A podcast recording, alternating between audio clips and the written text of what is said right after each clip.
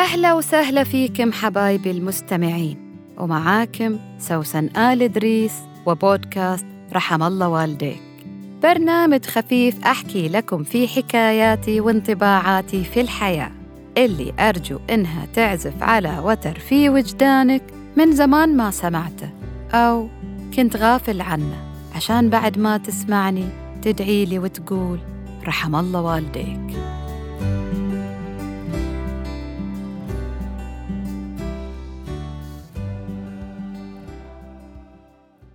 أنا ما أعرف أعبر.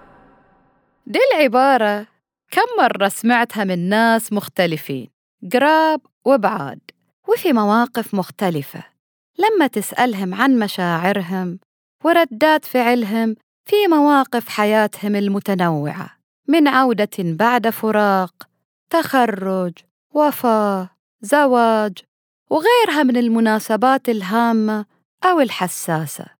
فتلاقي يمكن اللي يعبر ببسمة أو ضحكة أو دمعة لكن دايما ما يعرف يعبر. وعدم القدرة على التعبير جاية لأكثر من سبب.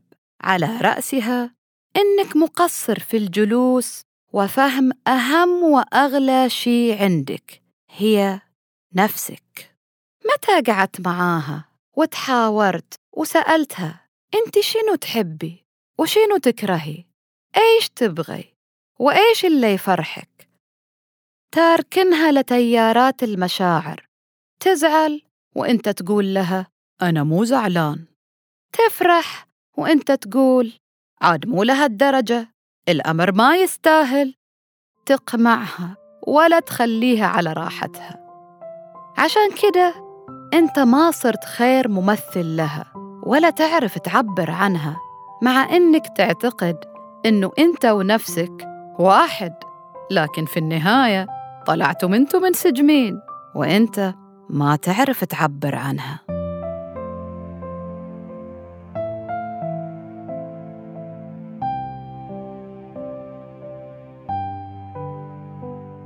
السبب الثاني هو إنك تخجل منها وتخاف إنها ما تكون تشبه غيرها. شعرت بالغيرة أو الخوف. أو القلق أو الحب أو البغض وخجلت من هالمشاعر ولا واجهتها ولا تناقشت معها عشان تعرف أصلها لأنه يا عزيزي ما في مشاعر غلط ومشاعر صح المشاعر مشاعر. مشاعر تشاور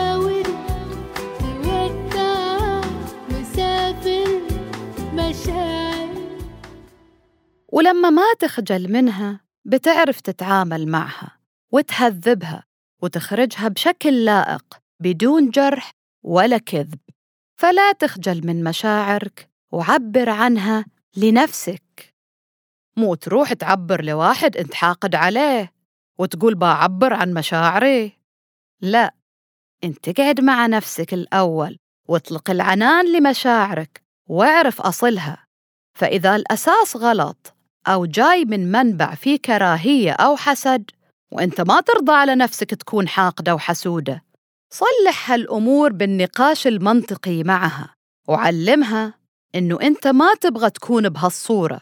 فالنفس بعد ما عبرت عن مشاعرها ونفضت كل اللي داخلها بيسهل عليك فهمها وتهذيبها إن لزم.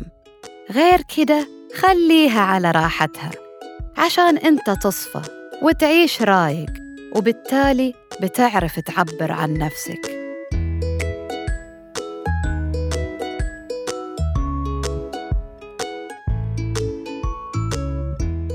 التعبير عن المشاعر ما يبغى ثقافة عالية ولا حفظ موسوعات علمية وأشعار. التعبير عن المشاعر هي لحظات الصدق التي تجلسها مع نفسك وتتحاور معها بكل شفافية. ترى الوضوح مع نفسك هو أول خطوة لتوصيل أنت ويش تبغى من الدنيا والعالم. لما تشوف نفسك مرتبك ومنت عارف تتكلم مع فلان مو لأن فلان مخيف أو أنت خايف من ردة فعله. أنت خايف من نفسك إنك تخبص لأنه أنت داخلك لخبطة أنت مو فاهمها. وفاقد الشيء لا يعطيه. افهم نفسك صح. عشان تنفهم صح وتعرف تعبر صح. ونقول لكل من اهتم بنفسه وفهمها واعتنى بمشاعرها وترك لها الانطلاق عشان هي تخدمه ويصير قادر إنه يعبر عن نفسه عشان هو يرتاح وغيره يرتاح والأمور تصير واضحة. رحم الله والديك.